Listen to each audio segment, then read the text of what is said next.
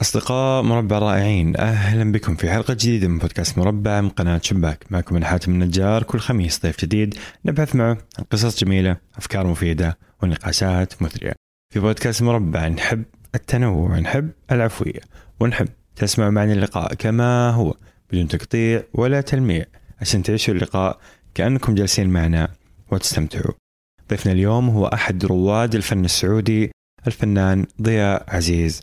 ضياء نشأ ضياء في بيت مهتم بالثقافة والعلم والفنون وكان والده الأديب عزيز ضياء رحمه الله مهتم بدعمه وتوجيهه من سن مبكرة. والده اللي كان أيضا يعمل في وزارة الدفاع ومدير عام الخطوط ثم وكيل للمباحث والجوازات وأيضا له الكثير من المؤلفات الأدبية. حدثنا مع ضياء عن أن يعيش في بيت لأب كان رجل دولة. كيف أثر هذا على حياته وبداية مسيرته عن مسيرته الفنية العريقة اللي لا تزال مستمرة وعن بعض أهم المحطات فيها عن قصته مع الملك فيصل وكيف دعمه شخصيا عن أكبر عمل فني له بوابة مكة اللي يمر عليه الملايين سنويا عن كيف يترجم الأحداث حوله وحياته اليومية وثقافتنا في لوحاته. أول ما بدأت الإعداد لهاللقاء حسيت بمسؤولية كبيرة وأنا في حضرة تاريخ عريق وسيرة عظيمة. لكن بعد ما انهينا اللقاء قال لي العم ضياء هذا أفضل لقاء سويته في حياتي. أتمنى أن يعجبكم هذا اللقاء. استمتعوا يا رفاق. عم ضياء أهلا وسهلا. أهلا بك آه شاكر لك استضافتنا في المرسم والمكان الجميل هذا. الله يسلمك. أهلا وسهلا بكم بس أرفع صوتك شوي عشان أنا يعني زي ما انت عارف. أبشر حاضرين آه إيش إيش يمثل لك هذا المكان؟ يعني الحقيقة حياتي. حياتي المكان. حتى أنا لما كنت في سن الشباب يعني 14 15 سنة الوالد والوالدة كانوا مخصصين لي غرفة لوحدي أنام فيها وأرسم فيها وأشتغل فانا عايش في هذا الجو من ذاك السن لين دحين. ولما اتجوزت آه وكنا في إيطاليا برضو كان في لي مكان للحكاية دي. وبعدين آه حتى بالنسبة للنوم أنا كنت أنام في الاستوديو. آخر 30 سنة آه نمت في نفس المكان ده. يعني ما انفصلت عن زوجتي بسبب زعل ولا مشكلة آه، زي من هذا النوع ولكن انفصلت لأنه آه قررنا إنه الأفضل بعد سن معين من الجواز انه الراجل وزوجته يناموا منفصلين. الأفضل يعني. في في البداية بيناموا مع بعض. وده الشيء الطبيعي يعني بين الراجل وزوجته. ولكن بعد فترة بيصير من الأفضل إنه ينام كل واحد لوحده. والسبب إنه كل واحد يبغى اللي يبغى يقرأ واللي يبغى النور مطفي واللي يبغى يشد الغطاء واللي يعني هذه الأمور صارت تزعج وبتخفف من من الاستغراق في النوم والاستمتاع بالهدوء فلما واحد ينام لوحده يعني آه، صحية أكثر هذا كان عندكم أنتم الاثنين ولا بس عندك؟ لا إحنا الاثنين آه ممتاز يعني مش بسبب الفن ولذلك انتقلت هنا والان آه. 30 35 سنة وأنا آه، أو 30 سنة وأنا أنام في لوحدي في فين؟ في الاستوديو مم. ولقاءات الأصدقاء. يعني أوصف لي يومك. تصحى الصباح هنا؟ أصحى الصباح آه، إيوه هنا وأبتدي أمارس حياتي بعد ما أفطر وكده. أو لما كانت موجودة الله يرحمها كنت في الفطور أفطر عندها. وبعدين أرجع هنا. ولو في شيء أجلس معها أو هي تجي تجلس معي لو في مناقشة الموضوع ولا ولا أي حاجة يعني من هذا النوع. كرجل آه، وزوجته يعني. ولكن عموما عموما أنا بعيش في استوديو لأني آه، موفر في الاستوديو كل وسائل المتعة آه، اللي ممكن تسميها متعة فنية يعني رسم موسيقى آه، نحت تصوير فوتوغرافي وإلى آخره. يمكن دائما الفنانين عندهم هاجس إنه يكون في حياتين. عنده الحياة ال- اللي يأ- يأكل فيها الخبز أذكر مرة أنت قلت لطالب عندك كان أبوه زعلان يقول لا تعلمه فن عشان ما حياكل خبز. قلت له ياكل خبز وقتوه كمان ممكن. صحيح. فهل أنت عشت دائما حياة إنه أنت فنان وفقط فنان؟ آه، أغلب حياتي من أنا من أنا طفل؟ أعتقد إنه الوالد والوالدة آه، لاحظوا آه، لاحظوا شيء. فصاروا يتركوا لي هذا الفراغ في الحياة بحيث أني أنا أمارس ويساعدوني. يعني يعني الوالد جاب لي فجأة كمانجا وما أتذكر ليش حصل الشيء ده. إيش السبب؟ بس أنا كنت صغير جدا يعني سبع سنين أو ثمانية سنين أظن سبعة ثمانية سنين. وبعدين جاب لي كمان معاه أستاذ معروف في ذاك الوقت اسمه حمزة المغربي عازف قانون. عشان مش يعلمني كمانجا وإنما عشان يعلمني الدوزان الكمانجا. فعلمني الدوزان الكمانجا بالطريقة العربي حقت ما هو بالطريقة الانترناشونال يعني العالمية. ف... فصرت أعزف آه، السلم الموسيقي وبعدين هو تركني وابتديت أنا آه، أمر أمرن نفسي وأحاول محاولات مستمرة في إني أنا بالسلم الموسيقي ده أطلع أي أي لحن أي نغمة فلما طلعت نغمة من النغمات المعروفه والمشهورة ديك الأيام اللي أظن واحدة من من الأغاني وال هذه لا هذه هذه بعدين هذه آه. هذه بعدين هذه أنت كتبت الكلمات صح؟ لا بابا اللي كتب الكلمات آه بس أنت غنيتها وأنا غنيتها أيوة. عاد هذه من أشهر الأغاني التراثية يعني هي هذه وأنا بدي اصير طيار اول أول أيوة. شيء قبل هذه أيوه. جميل. فبدأت بالموسيقى. بدأت موسيقى وابتديت أعزف ولما لما عملت نغمة وسمعها الوالد ماما قالت لي روح سمع بابتك فلما سمعها دمعت عينه. فعرفت إنه في شيء مهم حصل. بس كده ابتدت حكاية الموسيقى دي وبعدين في سن 14 سنة 13 سنة يعني ابتديت أدخل في مجال الرسم وما رسم. لاني ابتديت ألاقي تشجيع من الوالد والوالدة وتشجيع من المدرسة كمان من اساتذه التعليم التربية الفنية في المدرسة والطلبة. الطلبة كانوا يعني يجلسوا حولي وأنا قاعد عمال أرسم. فكنت أحس بال وعد في سن 14 15 اللي هي قدمت لوحة للملك فيصل القصة اللي أنت أيوه أكيد حنتكلم عنها. آه، درست في الثغر سنة أو سنتين صح؟ سنة سنة آه، سنة. سنة. وهذه كانت يعني الفترة الوحيدة اللي أنت كنت فيها آه، موظف يعني هذه كانت السنة هذه. اي اي وسنة بعدها مدرسة أخرى ولكن بعد كده استقلت على طول يعني حتى ما قدرت أكمل في المدرسة. هل يقدر الفنان انه يكون فنان وهو عنده الحياتين هذه ولا لازم يتفرغ؟ لا الأفضل إنه يتفرغ طبعا. وأنا أشكر آه، فضل آه، سمو الأمير فيصل بن عبد الله اللي فرغني. يعني صحيح جات في وقت متأخر يعني بعد ما صار عمري يمكن حوالي خمسين ولا شيء زي كده أو أكثر شوية. آه، فرغني يعني بمعنى إنه استعارني لأعمال فنية له هو وللحرس الوطني وكده. و بالتالي صرت أستطيع إني أنا أمارس فني 24 ساعة. جميل. آه البداية دائما مو دائما بس يمكن في حالتك كانت من المنزل. آه ولدت لي ام وأب كانوا دائما في الثقافة والإذاعة والفن والأدب. الوالد يعني آه كان رجل دولة الله يرحمه كان عنده مناصب عسكرية وزارية. آه أذكر مرة قرأت إنه أثناء عمله في وزارة الدفاع كان مدير عام للخطط الجوية.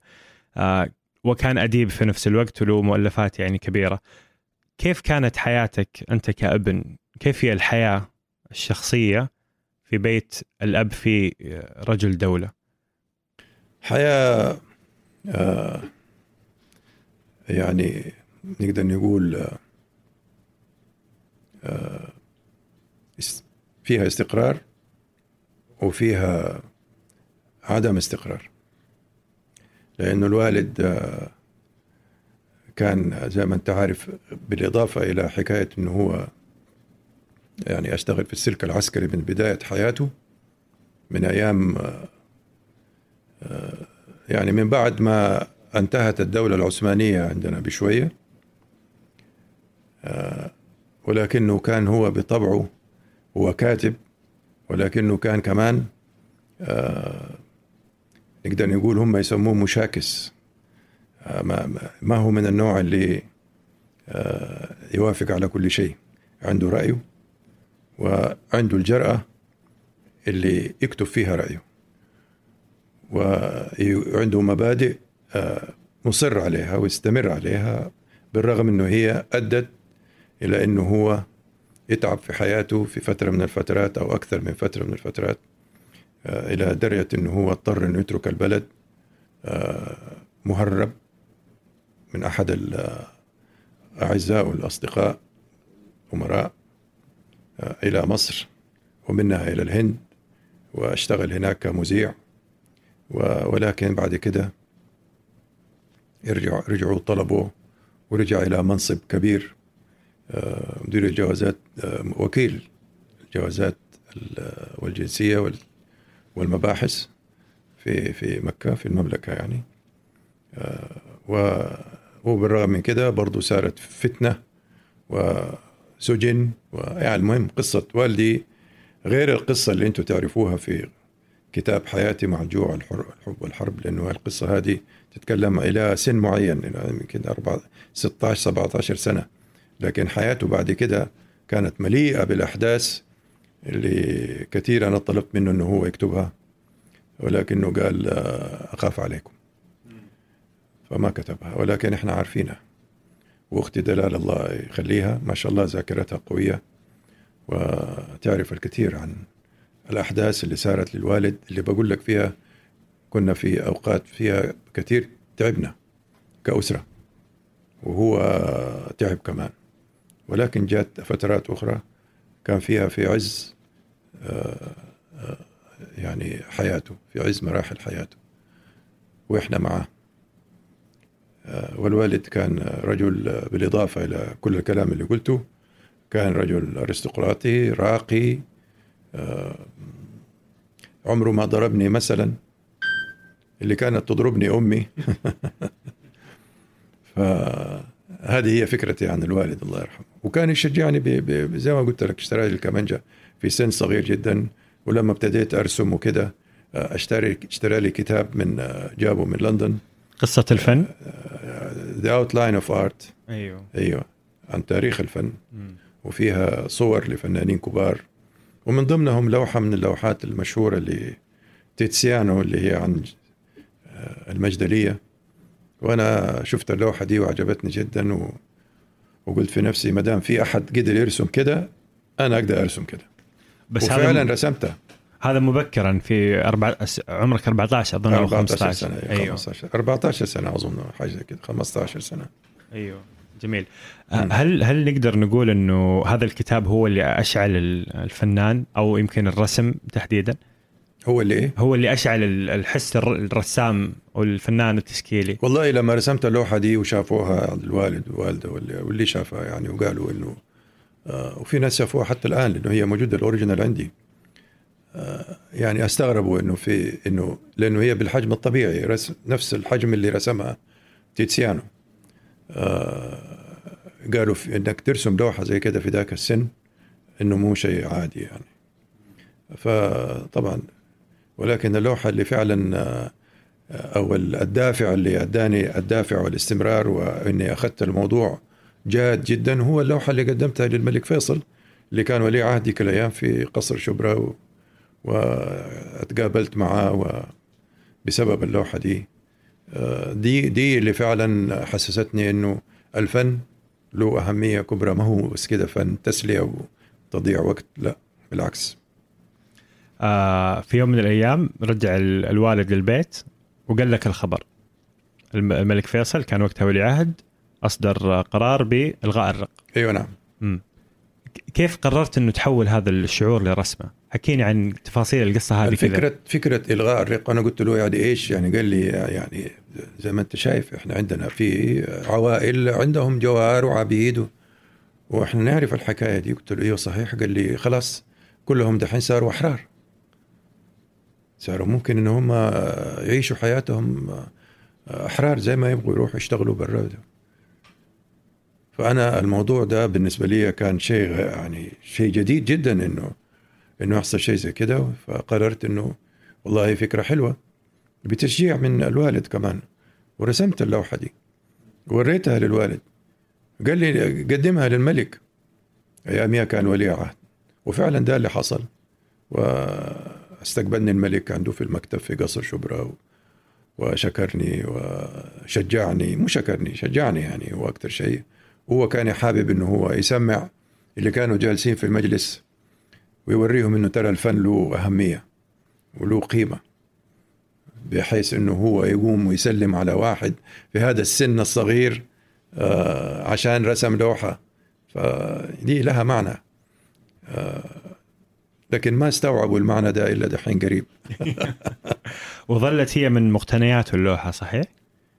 إيه اللوحة طبعاً. من مقتنيات الملك فيصل الله أيوه. بس أنا ما أعرف فين راحت يعني هي. موجودة عندهم أكيد أيوه أيوه آه، في مكان عاد إن شاء الله ما تكون في مستودع لأنه هي لها أهمية وقيمة يعني أكيد والله هي في هي في التاريخ يعني لأنه موجودة رغم. رغم إنها حقت شاب صغير يعني ما فيها التكنولوجيا التك التكنيك وال style والكلام ده كله اللي بنسمعه عن ال عن ال الأعمال الفنية ولكن المعنى كان مهم والتوقيت كان مهم وما حدث بسببها كان أهم. مم. جميل. المدرسة الانطباعية. نعم. أم ودي أفهم أكثر. إيش إيش هي المدرسة الانطباعية أكثر؟ وليش وجدت نفسك في هذا النوع تحديدا من الفن؟ والله هو في الأساس طبعا الفنان مقلد بالبدايه لما يبدأ حياته يبدأ مقلد فأنا كنت أقلد. وكنت أقلد اللي أعجب بيهم اللي هم زي ما قلت لك تيتسيانو وكارافاجو آه، ريمبرانت و- وغيرهم من الفنانين اللي على هذا المستوى.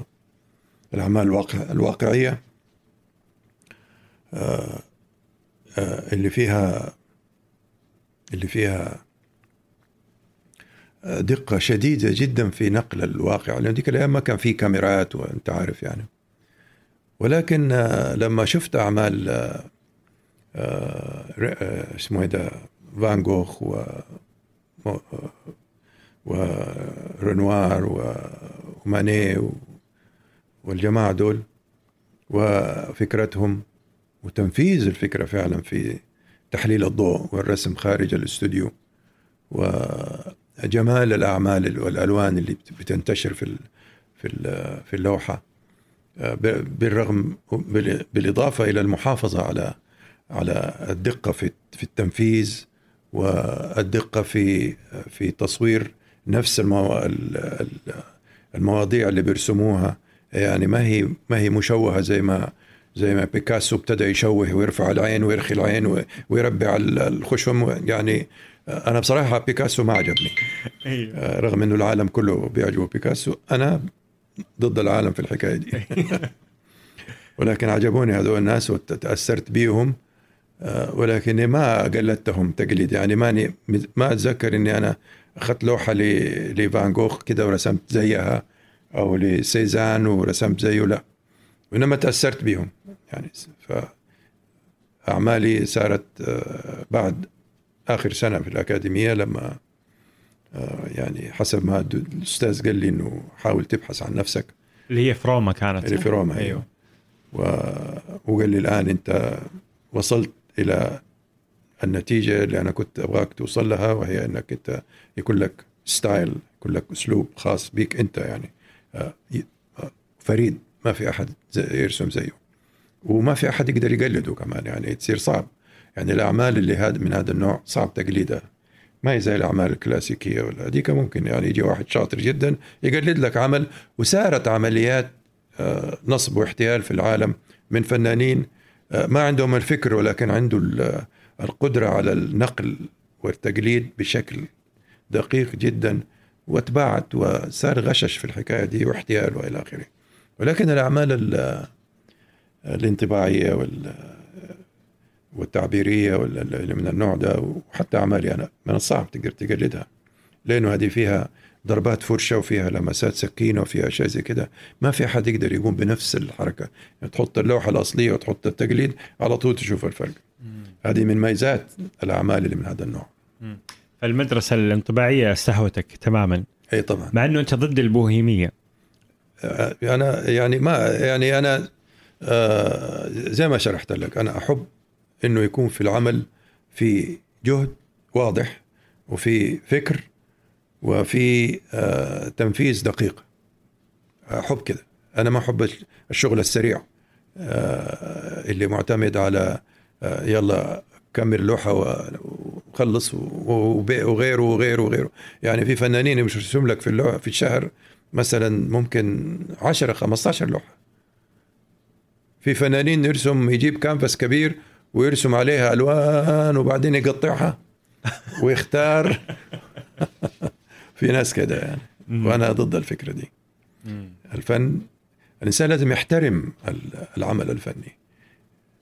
قبل ما يرسمه يعني. يعني تحترم اللوحة اللي قدامك البيضة دي وتبتدي تشتغل وأنت وأنت في محبة بينك وبينها يعني. أنا بعمل العمل وأنا أحبه. يعني أنا بتصير عندي في في مرحلة من المراحل بالذات لما العمل يتوفق ويصير في عندي عشق أتمنى إني ما أبيع اللوحة. ولكن طبعا الحياة تجبر الإنسان على إنه يبيع.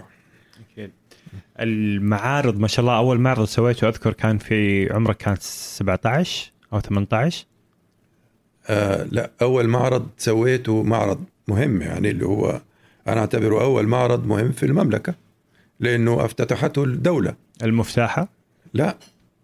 كان عم كانت آه، سنة 69 سنة ثانية في الانتهاء من سنة ثانية في الاكاديميه فجيت في الإجازة قد محضر معرض وسويت المعرض هنا في فندق جدة بالاس في في ميدان البيعة. كان في فندق اسمه جدة بالاس لبيت السليمان يعني. فسوينا المعرض هناك واللي افتتحه آه، وزير المعارف الشيخ حسن آل الشيخ. يعني يعني افتتحته الدولة يعني. آه، وكان في بورتريهات للملك فيصل وأعمال أخرى وفيها شوية حرية والمعرض استقبل استقبال رائع من من من قبل المسؤولين ومن قبل حتى الملك فيصل لأنه آه، أنا أخذت ألبوم للأعمال ورحنا قابلنا الملك ووريته المعرض يعني في في في كتالوج في لوحة في صور إيش تأثر المعارض على على حياة الفنان؟ لأنه برضو شاركت لك مشاركات عالمية يعني عديدة. آه إيش أثر مشاركتك في المعارض على مسيرتك الفنية؟ بالذات لو لو صار في آه، إقبال على العمل الفني أو إذا مسابقة وفاز العمل الفني في مسابقات وكذا آه، بتدي آه، ثقة كبيرة للفنان. تديله ثقة في إنه الشيء اللي بيسويه ده إنه هو ماشي على الخط لأنه في بداية حياة الفنان بيلاقي نفسه تقريبا شوية ضايع هو لسه ما عنده ستايل ما عنده أسلوب بيقلد آه بيعرض آه آراء بتختلف. لكن بعد ما يصبح آه له شخصيته الخاصة به استقلاليته يعني آه، ويصير في إعجاب لأعماله والى آخره فيصير عند الفنان ثقة ويصير عنده دافع إنه هو يستمر وإنه هو يطور نفسه أكثر وأكثر. فما في شك طبعا العرض والمسابقات وهذه مفيدة جدا. حاولت تأخذ المسار الفني إلى العمل التجاري وسويت مؤسسة. إيوه سويت مؤسسة بس ما كانت عشان إنتاج آه، لوحات. كانت ديكور وما ديكور ومش عارف إيه وشيء زي كده. ونجحت جدا في البداية إلى ست سبع سنين. وبعدين فشلت جدا كمان في النهاية يعني بحيث أني فقدت كل شيء. ومرضت و يعني وصدمت لأنه التعامل مع الناس المختلفين اللي هو ابتداء من العامل إلى الأمير والملك. فارق كبير جدا ويخليك تضطر إنه أنت شخصيتك أنا ما قدرت أتحمل الحكاية دي الحقيقة واللي حصل إنه والناس اللي كانوا يشتغلوا عندي يعني اللي كنت جايبهم يشتغلوا في المؤسسة. آه، في منهم ناس اللي اعتمدت عليهم. طلعوا حرامية وغشاشين وورطوني توريطة ضخمة جدا طويلة عريضة توقف كل شيء كل العمل وفقدت وخسرت كل حاجة. خسرت مبالغ كبيرة ولا مني نجحت. نجاح كبير لدرجة إنه جنرال موتورز كانوا جو هنا عملوا compound أخذوا compound بموظفينهم وبحريمهم وجوني أنا عشان أعمل لهم فرش لل compound compound كبير و في آخر عمل كان منظمة المؤتمر الاسلامي في طريق مكة. آه، إعادة ترميم وتجهيز المبنى. كان مبنى الامير سلطان إلى إنه يصير مقر لمنظمه المؤتمر الإسلامي وده كان آخر مشروع وكان أكبر مشروع وكان أنجح يعني أنجح آه، مرحلة في حياتي إلا إنه صار في عملية احتيال في هذه الفترة فبالتالي فقدت كل شيء. وقررت إنه أنا ما عاد أدخل في هذا المجال مرة ثانية. التعامل مع مع الناس تجاريا و business وما business هذه ما هي هي حياتي. فرجعت آه، ابتدي أركز على على موضوع الرسم وما رسم ونحت وكده يعني. بعدين جاء العوض. بعدها بسنة تقريبا. جاء إيه؟ جاء العوض. العوض؟ بعدها بسنة. حكينا إيش كان العوض؟ أنت قصدك يعني بوابة مكة؟ أيوه. أيوه. والله هو أنا أنا الآن ب... لما بأنظر لحياتي أعتقد إنه اللي حصل ده كله كان آه ترتيب مرتب من من الله سبحانه وتعالى. إني أنا أفقد هنا عشان أبتدي هنا شيء ثاني واللي ابتديه شيء أهم وأكبر وكان الحقيقة بوابة مكة.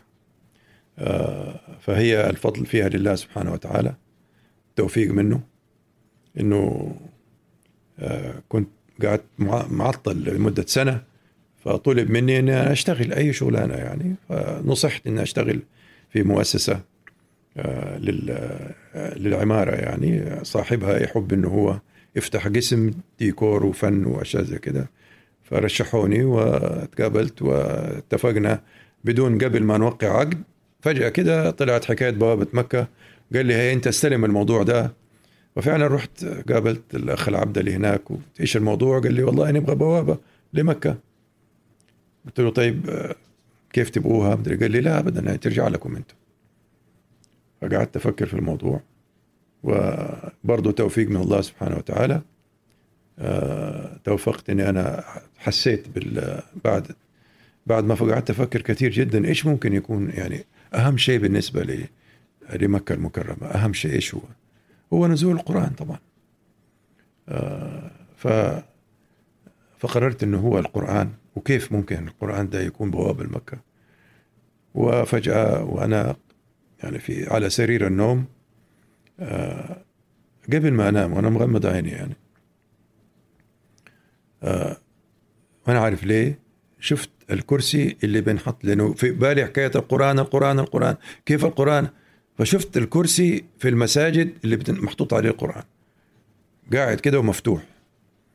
أول ما شفت المنظر ده عرفت إنه هو ده هو ده العمل. عملت سكتش عشان لا أنسى ونمت. وتاني يوم ابتديت أشتغل في الموضوع.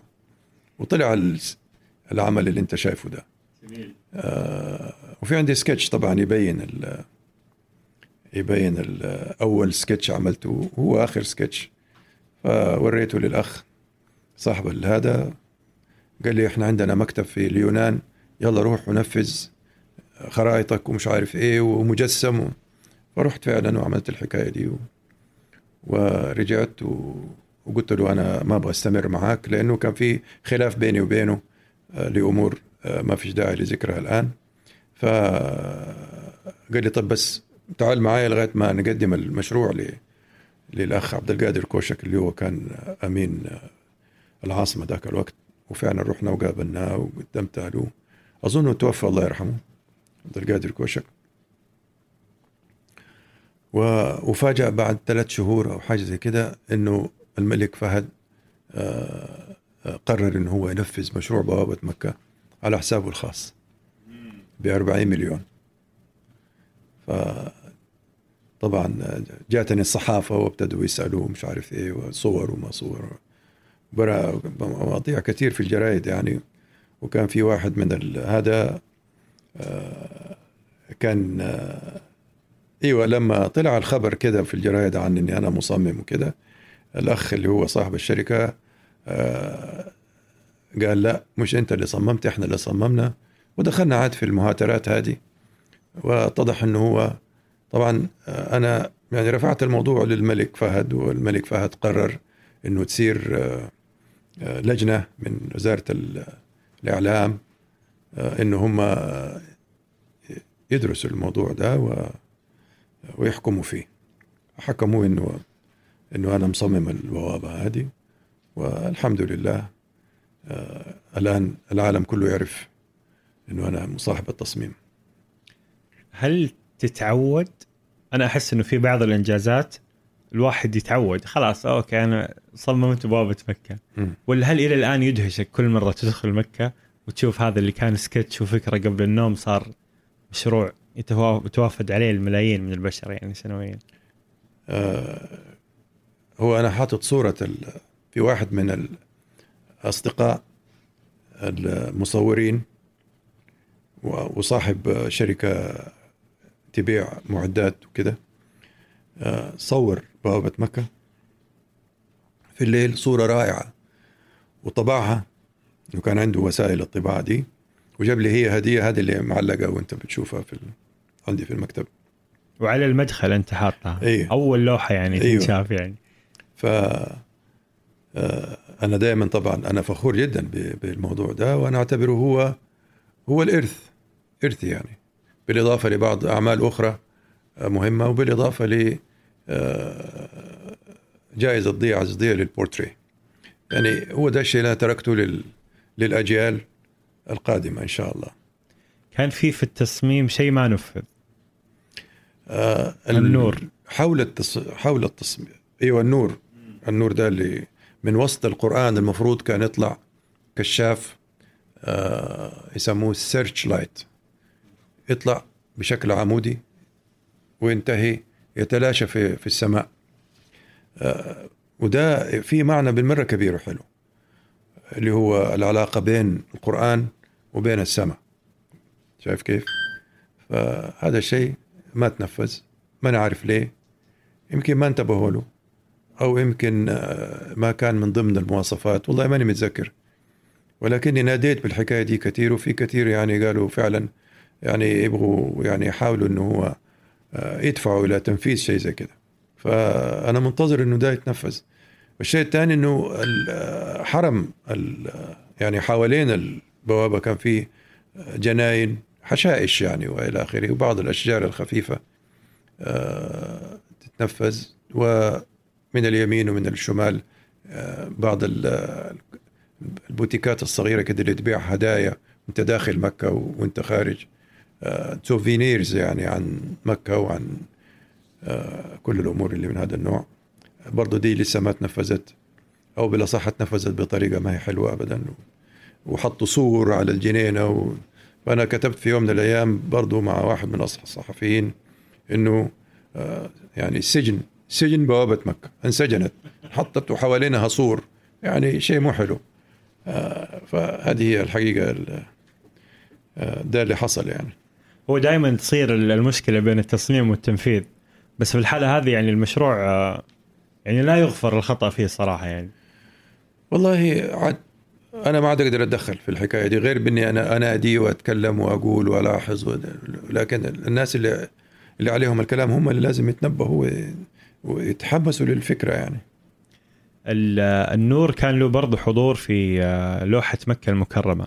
أظن هي حتى كانت بطلب من الأمير خالد آه، لا الفيصل. فيصل فيصل بن عبد الله. آه آه الملك فيصل نفسه. لا الأمير فيصل بن عبد الله بن محمد آل سعود آم كان كنت تتكلم عن النور إنه هي ثلاث لوحات أيوة. طلبها حكيني عن اللوحة هذه اللي تكلمت مرة عن عن النور الموجود في اللوحة واللي كذا شعرت فيه ورسمته كانت كذا لوحة لمكه فيها فيها نور ما أدري هي لوحه. هي ثلاث لوحات مم. طلبها الأمير فيصل بشكل آه، واحدة بعد الثانية يعني رسمت مكة طلب مكة فرسمت مكة ورحت لمكة طبعا ول- ولفيت وطلعت على الجبال عشان أبغى أشوف الحرم آه، من فوق. آه، فما قدرت أوصل لإني أنا أشوف. شفته من من زوايا ما هي الزاوية اللي أنا أبغاها. أنا أبغى أشوف الحرم وأشوف في الأفق آه، جبل النور اللي نزل فيه الوحي. فالجبل اللي طلعته عشان أشوف الزاوية دي كان كله بيوت وما قدرت أوصل يعني. ولا قدرت آه، يعني أدق على باب أحد أقول له أبغى أطلع عندك في السطوح أبغى أشوف يعني حيحسبوني واحد مجنون. فوقفت هناك وشفت طرف المناير كده بس ماني قادر أشوف يعني آه، مكة فعلا أو قصدي الحرم. فتخيلت نفسي أنا عرفت خلاص المكان واخذت صورة لل للجبال اللي حولي ولجبل النور وإلى آخره. ولكن ماني قادر أشوف. فحس يعني لما رجعت البيت وقررت إني أرسم اللوحة آه قررت إنه أنا أرفع نفسي كأني بطير بحيث إني أنا أشوف. فالباقي كله ده اللي أنت بتشوفه عبارة عن طبعا اعتمدت على خرائط عشان عشان لا يكون في خطأ في في تنفيذ الحرم بالشكل الصحيح.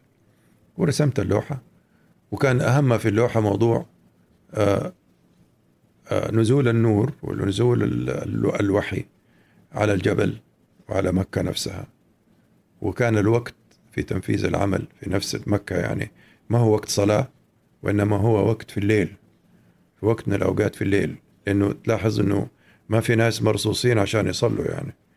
شايف؟ الناس كده منتشرين وما في ناس كثير يعني. ف يعني أنا قصدت إنه ما يكون هو وقت صلاة وإنما وقت آه، يعني التهجد أو حاجة زي كده يعني. وتلاحظ في اللوحة النور ده اللي نازل من السماء ونازل كمان على غار حراء. هذه لوحة. واللوحه الثانية كانت المدينة وبرضه فيها هناك اللعب بالضوء وضوء منتشر من القبة الخضراء إلى العالم. آه، واللوحة الثالثة هي لوحة القدس. وبرضه هناك فيها الضوء باين في في حركة آه، الإسراء من مكة إلى القدس وبعدين المعراج من قبة الصخرة إلى السماء آه، بهذه الأضواء اللي طالعة. ف هذه ثلاثة لوحات كانت الحقيقة بطلب من الأمير فيصل بن عبد الله وهي ملكه هي موجودة عنده الآن. جميل. آه، أذكر قلت مرة أنه الدفعة أول 30 سنة في الفن كانت من الملك فيصل الله يرحمه والثلاثين اللي بعدها كانت من الأمير خالد الفيصل. والإيه؟ والدفعة اللي بعدها كانت من الأمير خالد الفيصل. أيوة لأنه في أولا هو يعني أنا اشتركت في بدعوة منه في قرية المفتاحة في في أبها. وسويت ورشة عمل هناك وأدوني استوديو لأنه كان هو مسوي قرية للفنانين وده كان شيء عظيم جدا الحقيقة أنه لأنه هو نفسه فنان فكون أنه هو يستطيع أنه هو يؤمر بإنشاء قرية وكان هو مشرف على القرية دي. وأعتقد هي كانت قرية موجودة قديمة ولكنها عائلة لسقوطها وشيء زي كده فأحيوها وكونوا هذه القرية وصار فيها مراسم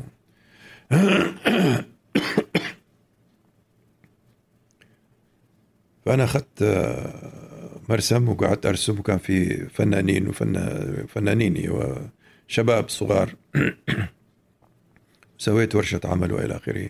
وبعدين سوينا معرض في الأخير وعزمنا الأمير خالد وكان معاه الأمير آه، آه، بدر بن عبد المحسن الشاعر فجو افتتحوا المعرض وجو للاستوديو عندي وشافوا عمل. أنا كنت رسمته للشباب ساعتها يعني قصدي على على الطبيعة. وأخذنا صور. صور هذه يعني أنا حاططها برضو موجودة عندي. ف كانت الحقيقة ها وبعدين بعد بعد الكلام ده كله صار في احتفالية كبيرة جدا وقدم الأمير جوائز اسمها جائزة المفتاحة لأنه هي القرية اسمها المفتاحة كانت. لمجموعة من الفنانين من ضمنهم أنا وكان من ضمنهم كمان آه، آه، ناس ثانيين مشهورين يعني من ضمنهم آه، أظن ما نعرف ضلال مداح ولا محمد عبدو الأمير فيصل بن عبد الله على أساس رعاية الشباب مجموعة يعني شخصيات مهمة. آه، وكانت هذه الحقيقة دفعة بالنسبة لي أنا وتعتبر من الجوائز اللي أنا أفتخر بها جدا بالرغم اني أنا أخذت جوائز في إيطاليا وكده. آه، تعتبر جوائز يعني برضو عالمية ولكن آه، أنا أفتخر بهذه الجائزة أكثر من كل الجوائز. ليه؟ لأنها جاية من إنسان آه، اولا هو فنان وحاكم لمنطقة ومحب للفن. فبالنسبة لي أنا فخر كبير. جميل. هذا الدعم يعني ما شاء الله على من أيام الملك فيصل حتى الملك عبد الله أذكر آه، أهديته آه، رسمة وتصورت معاه جنبها. أيوه هو هو طلب عنده. لو كانت صورة أبيض وأسود آه، قديمة وهو على فرس بيسوي عرضة يسموه. هو قال لي إنه هذه آخر عرضة. هذه آخر عرضة أنا سويتها على حصان يعني على فرس. ورسمت اللوحة دي وقدمت له هي. فكانت آه، من ضمن الأعمال اللي أنا أفتخر بها لأنه آه، سمحت لي أني أنا أتقابل فيها مع الملك عبد الله وأجلس معاه أكثر من مرة عشان عشان عشان اللوحة دي. وأخذنا صور عنده في القصر جنبنا اللوحة.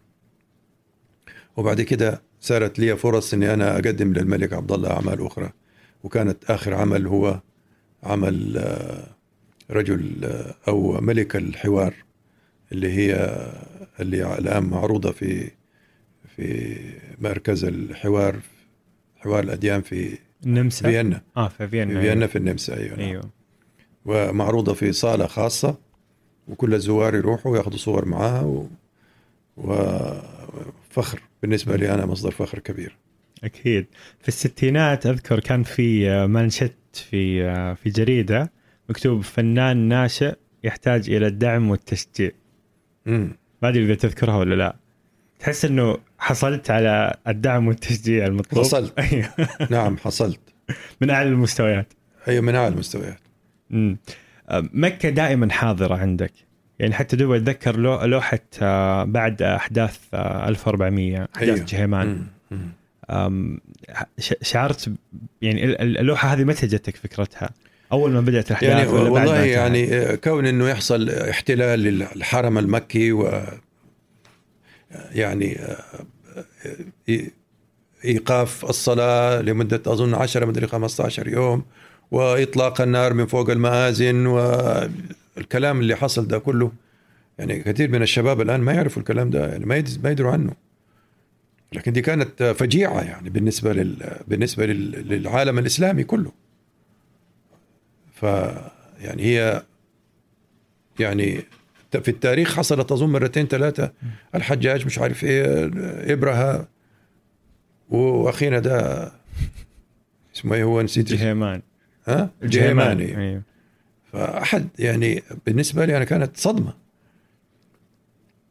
وكنت متابع الموضوع ولما قضوا عليه و مسكوه وأنا شفت الصورة اللي هم ماسكينه قاعد على مربوط كده وقاعد على على السرير.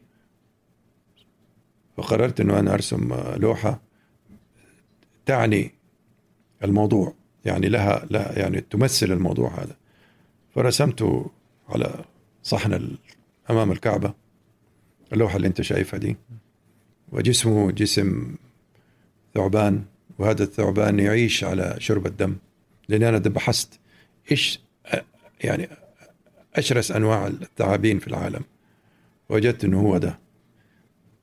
فكانت اللوحة دي برضو اتنشرت في المجلات وفي الجرائد وكان لها تأثير كبير. أيوه نعم. إلى الآن. جميل. آه، أذكر برضو لك لوحة لمكة قديمة آه، اللي رسمت فيها القوافل أو مثلت فيها تاريخ القوافل لما كانت تطل على مكة. كان فيها رجل راكب ناقة أيوه هذه لوحة قديمة جدا جدا و يعني كانت في بداية حياتي اللي فيها يعني برسم بجرب وكذا يعني. ما هي شيء ما هي شيء مهم يعني. بس بس مكة كانت حاضرة من البداية في مشوارك إيه طبعا إيه طبعا. أنا أنا طفولتي في مكة. آه أنت ما عشت في المدينة. لا لا. الوالد عاش في المدينة صح؟ الوالد من المدينة وماما أمي من مكة. أيوه. إيه. فعشت. ولكن حياة حياتنا كانت في مكة في البداية. وبعدين عاد أنا طبعا أنا ولدت في القاهرة أول شيء وبعدين عشت بداية حياتي في مكة وبعدين آه، رجع- رجعنا مرة ثانية القاهرة وبعدين جيت على جدة وبعدين رحت على بيروت وبعدين رحنا على على الهند وبعدين آه، يعني أتنقلت من مكان لمكان حول العالم. ممكن زي المشردين والمشتتين مع الوالد زي ما قلت لك الوالد يعني آه، ما كانت الحياة معاه آه، سهلة يعني بسبب آه، آراءه وأفكاره وكده. ف إيوه طبعا هي مكة. وكثير من اللوحات اللي أنا رسمتها رسمتها من آه، انطباعاتي عن حياتي في طفولتي في مكة. تشعر إنه الفنان قبل اللقاء كنا نتكلم عن الهوية اللي موجودة عند الشباب الآن. تقول الشباب صار ما عندهم كذا هوية عربية إسلامية واضحة. آه، ضروري الفنان يكون جزء من هويته؟ يعني هو في فنانين يقولوا لك يا أخي الفن حر والفن لا جنسية له ومش عارف إيه. وده كلام صحيح. يعني أنت فنان أنت حر سوي اللي تبغاه. لكن أنا أحس إنه إذا أنت عايش يعني أنا أشوف مثلا الفنان الياباني. الفنان الصيني. آه، بيرسم آه، شيء أمريكي؟ ما هو معقول. بيرسم حاجة لها علاقة بفرنسا؟ هل عمرك شفت لوحة صينية فيها آه، مثلا آه، باريس. آه، برج آه، إيفيل ولا حاجة زي كده؟ ابدا. آه، كل فنان لازم يعني يمثل تاريخ حياته. أنا أنا أنا مالي شغل بالفنانين ولا ولا بدي أفرض عليهم ولا ولكن أنا بقول لك أنا شخصيا أنا أمثل الحياة اللي أنا عشتها. أنا أبغى إنه في يوم من الأيام آه، ال- الأجيال القادمة الناس في العالم يشوفوا أعمال فنية ضياء عزيز دي تمثل الحياة اللي كانت المملكة العربية السعودية ومكة وجدة بالذات كيف كانوا عايشين. إيش هذه الملامح اللي إحنا بنشوفها؟ هذه حياة ناس في ديك الفترة أنا بتكلم على شيء بعد الأجيال اللي في مئات السنين يعني. زي ما إحنا بنشوف الآن في المتاحف في العالم أعمال آه، لفنانين عاشوا قبل 400 سنة قبل 100 س- آه، ألف سنة.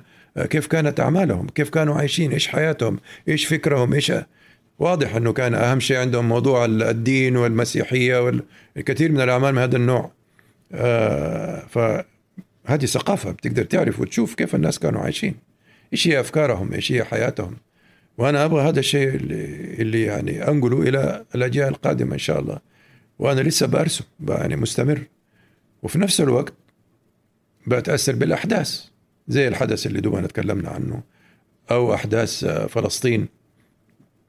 أطفال الحجارة مش عارف إيه آه، آه، يعني داعش ما داعش. لا إلى الآن أنا في حاجات بتحصل صادمة في الحياة في حياة الإنسان. الواحد بيستغرب كيف ممكن يكون في بشرية من هذا النوع ويسموا نفسهم أوادم وناس يعني ويكونوا بهذا بهذا النوع من التفكير ومن القسوة ومن ال- من الظلم يعني. فلازم الفنان يتأثر بهذه الأشياء وي- ويحاول إنه هو يعبر عنها. ما يبغى لها كلام. المشهد الفني عند الشباب الآن. تحس إنه المشهد الفني الشبابي السعودي عاجبك مو عاجبك؟ إيش إيش ينقصه تحس؟ والله في شباب آه، ما شاء الله عليهم شطار. وواضح انهم بيبذلوا جه- جهد كبير. و... ولكن في شباب تاني آه، بيستعجل. بيستعجل كثير في عمله ينفذ بسرعة وما بيهتم بالدقة بما يلزم. و... وأنا أشوف أنه هذا ما هو شيء كويس لأنه هذه ما هي الرسالة الف... رسالة الفن. رسالة الفن المفروض تكون آه، أرقى من كده وأعمق من كده. آه، أنت مو لازم تخلص في الشهر آه، 20 لوحة. يا سيدي لو خلصت في الشهر لوحة واحدة ولكن فيها ذاك العمق وفيها ذاك المفهوم وذاك الفكر فأنت ما في شك أنك حيكون للوحة دي لها تأثير أكبر وأقوى بكثير من لو كان أنت عملت آه، 10 15 لوحة في الشهر وكل لوحة مستعجل فيها مخلصها في خلال كذا ساعة. يعني إلا إذا كنت عاد عبقري و ومن هذا النوع يعني تسوي كده تطلع لوحة آه، دائما ال- العباقرة أمثالك يكون عندهم. آه، مو دائما يعني أحيانا يكون عندهم انفصال نوعا ما من من واقعهم. آه، أشعر إنه هذا الانفصال مش موجود عندك. أشعر إنه علاقتك في أبنائك الثلاثة جيدة ما شاء الله حتى عايشين في نفس البيت وأحفادك الثمانية. كيف آه، قد إيش دائما نسمع إنه الأجداد مهما كان لهم إرث عظيم أحفادهم هم أغلى شيء في حياتهم. طبعا. إيش قيمة الأحفاد الثمانية لضياء عزيز؟ وكمان الأحفاد آه، تعتمد على سنهم. يعني الأحفاد أول ما يبتدوا بيكونوا مزعجين جدا كم شهر الأولانيين البكا وال يعني الوضع اللي أنت تعرفه. بعدين يبتدي على على ستة شهور وسنة إلى سنتين ثلاثة بيصيروا حاجة في منتهى ال- الجمال هذول الأطفال أنت تعرف إنه كل شيء صغير طفل حتى الحيوانات الدجاج الصغار الكتاكيت البساس الكلاب ال... أما عاد البني آدم وفي هذا السن الصغير بيكون هو القمة في الجمال والروعة في براءتهم وجمالهم ونظراتهم و... وأهم شيء البراءة إن هم في منتهى البراءة. وفي منتهى العفوية. ممكن عمره ثلاث سنين وشيء يسألك سؤال تستغرب إنه هو سأله وما يهمه. والله يا بابا في عينك في حاجة مش عارف إيه في اذنك مدري إيش في. يعني شيء طبيعي وشيء جميل جدا. شكلهم جميل بيكون جدا. آه بعدين شوي شوي يكبروا ويبتدوا يتعلموا اللئامة والعفرة والشقاوة.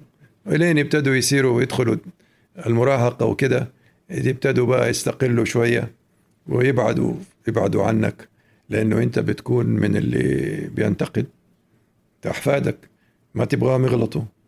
لا تسوي ده ما يصير كده مش عارف إيه. يبتدوا يبعدوا عنك لأنه بيشوفوك أنت بتنتقدهم كثير فاهم؟ آه فمع الأسف يعني ولو إنه المفروض يشكروا يشكروا جدهم إنه هو بيحاول إنه هو بس يبدو إنه يعني كثرة ال- الانتقاد دي بتاثر عليهم. هي مرحلة أتوقع وتعدي يعني. هي مرحلة وتعدي. أيوه. يكبروا بعد كده لما يكبروا ويجيبوا بزورة أيوه يعرفوا إنه.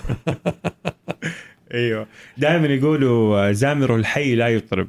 تشعر إنه أبنائك وأحفادك يشوفوك جدنا ولا يشوفوا إنه أنا ضياء عزيز؟ لا هم في يعني هم الحقيقة معتبريني كأني صاحبهم. كأني صديقهم.